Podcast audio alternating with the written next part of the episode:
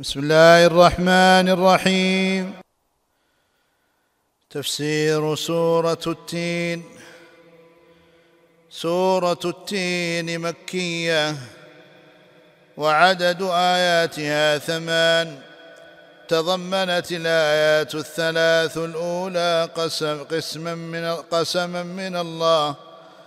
تضمنت الآيات الثلاث الأولى قسما من الله بأربعة أشياء بالتين والزيتون وطور سينين والبلد الأمين. التين والزيتون ثمرتان معروفتان فالله يقسم بهما وقيل المراد منابتهما. وهي الأرض التي بعث فيها المسيح فيكون الإقسام من الله بالمواضع التي خرجت منها الرسالات الثلاث رسالة المسيح ورسالة موسى ورسالة محمد عليه الصلاة والسلام. ولم تذكر المواضع مرتبة الترتيب الزمني وذلك ليقترن ذكر موسى عليه السلام بذكر رسالة محمد صلى الله عليه وسلم. لما بين الرسولين لما بين الرسولين والرسالتين من التشابه وهذا كثير في القرآن كقوله تعالى قل من أنزل الكتاب الذي جاء به موسى نورا وهدى للناس إلى قوله وهذا كتاب أنزلناه مبارك مصدق الذي بين يديه وتضمنت الآيات الرابعة والخامسة والسادسة جواب القسم وذكر المقسم عليه وهو الإنسان في مبدئه ومنتهاه لقد خلقنا الإنسان في أحسن تقويم ثم رددناه أسفل سافلين. إلا الذين آمنوا وعملوا الصالحات فلهم أجر غير ممنون.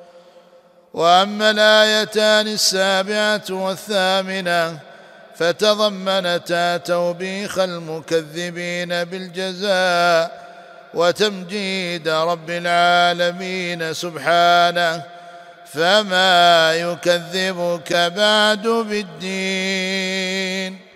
أليس الله بأحكم الحاكمين؟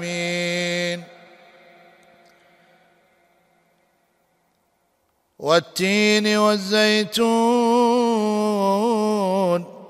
وطور سينين وهذا البلد الأمين لقد خلقنا الإنسان في أحسن تقويم ثم رددناه أسفل سافلين إلا الذين آمنوا وعملوا الصالحات فلهم أجر غير ممنون فما يكذبك بعد بالدين أليس الله بأحكم الحاكمين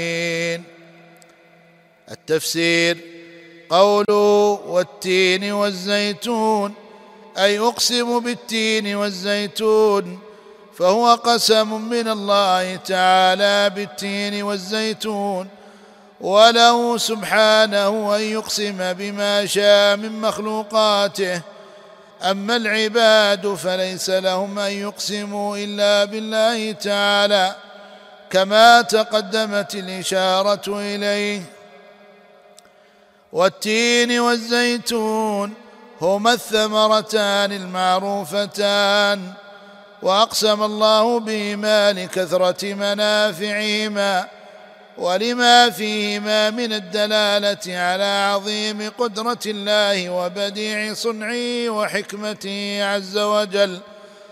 ولا ينفي ذلك أن يكون معنى الآية على ما اختاره بعض المفسرين أنه قسم بأرض التين والزيتون أي البلاد التي تنبت فيها وهي بلاد أشرقت منها رسالات الله السماوية ووجد فيها الأنبياء الكرام فأرض التين والزيتون هي الشام. وقد ظهر منها أنبياء آخرهم كلمة الله عيسى ابن مريم عليه السلام وطور سينين هو الجبل الذي كلم الله عنده موسى عليه السلام ويدل لهذا القول أن الله عطف عليه قوله تعالى وهذا البلد الأمين أي مكة وفيها بعث نبينا محمد صلى الله عليه وسلم. فالله تعالى يقسم بهذه البقاع لشرفها وللتذكير بنعمته تعالى على خلقه حيث أخرجهم من الظلمات إلى النور. وقوله وطول سينين سنين لغة في سيناء بفتح السين. بفتح السين وكسرها وسيناء صحر صحراء وسيناء صحراء بين مصر وفلسطين. وسيناء صحراء بين مصر وفلسطين. وهذا البلد الأمين أي وأقسم بهذا البلد الأمين الذي هو مكة. والإشارة إليه لشرفه والأمين بمعنى الآمن كما قال تعالى اولم يروا انا جعلنا حرما امنا؟ ومن دخله فقد امن على نفسه كما قال سبحانه ومن دخله كان امنا؟ لقد خلقنا الانسان في احسن تقويم. هذا جواب القسم والمراد بالإنسان جنس بني آدم أي خلقناه في أحسن صورة سوي الأعضاء منتصب القامة ذا فطرة سوية وعقل يميز به الخير من الشر. كما قال صلى الله عليه وسلم ما من مولود إلا يولد على الفطرة فابواه يهودانه أو ينصرانه أو يمجسانه فمن آمن بالله ورسله فقد نجا من عذاب الله وفاز برضوانه ومن كفر فمصيره النار. ولهذا قال ثم رددناه أسفل سافلين أي جعلناه في أحط الدركات أي في النار. والكفار هم الأخسرون والأسفلون. كما قال تعالى فجعلناهم الأخسرين. وقال فجعلناهم الأسفلين. ومن لازم دخوله النار انقلاب صورته إلى أقبح الصور. كما قال تعالى تلفح وجوههم النار وهم فيها كالحون. وذهب بعض المفسرين إلى أن المراد بالرد في أسفل سافلين هو الرد إلى أرذل العمر بالهرم وضعف شيخ الإسلام ابن تيمية هذا القول. وقطع بالقول الأول وهو أن المراد النار وأيد ذلك بوجوه قوية. قولوا إلا الذين آمنوا وعملوا الصالحات أي جمعوا بين الإيمان وعمل وعمل الصالحات. والاستثناء متصل استثني المؤمنون من جنس الإنسان فإنهم لا يردون إلى أسفل سافلين يوم القيامة ولا تقبح صورهم بل يزدادون حسنا إلى حسنهم وبهجة إلى بهجتهم. وعطف العمل الصالح على الإيمان من عطف الخاص على العام. وعطف العمل الصالح على الإيمان من عطف الخاص على العام. لأن العمل من الإيمان فلهم أجر غير ممنون. قدم الجار والمجرور فلهم للفاصلة والبشارة والتشويق لما بعده. أي لهم ثواب عظيم غير مقطوع.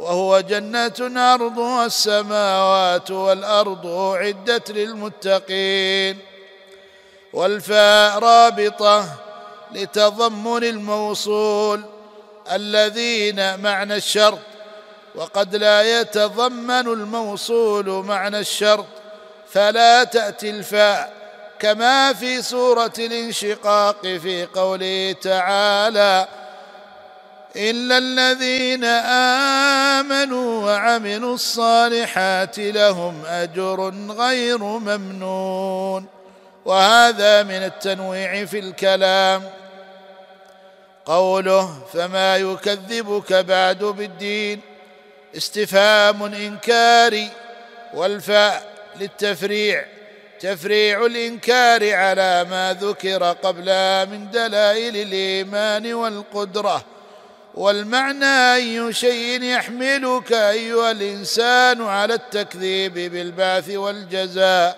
بعد وضوح الأدلة وقيام البرهان على ذلك. فإن من خلقك بعد العدم قادر على إعادتك مرة أخرى للجزاء. وفي الكلام التفات من الغيبة إلى الخطاب لتشديد الإنكار والتوبيخ. أليس الله بأحكم الحاكمين؟ أي أقضاهم وأعدلهم وأحسنهم صنعا وتدبيرا والاستفهام للتقرير. وفي الآية وعيد لكل مكذب. وفيها دليل على أن البعث والجزاء موجب حكمة الرب سبحانه وتعالى. فتأبى حكمته ألا يجزي الذين أساءوا بما عملوا ويجزي الذين أحسنوا بالحسنى. الفوائد والأحكام.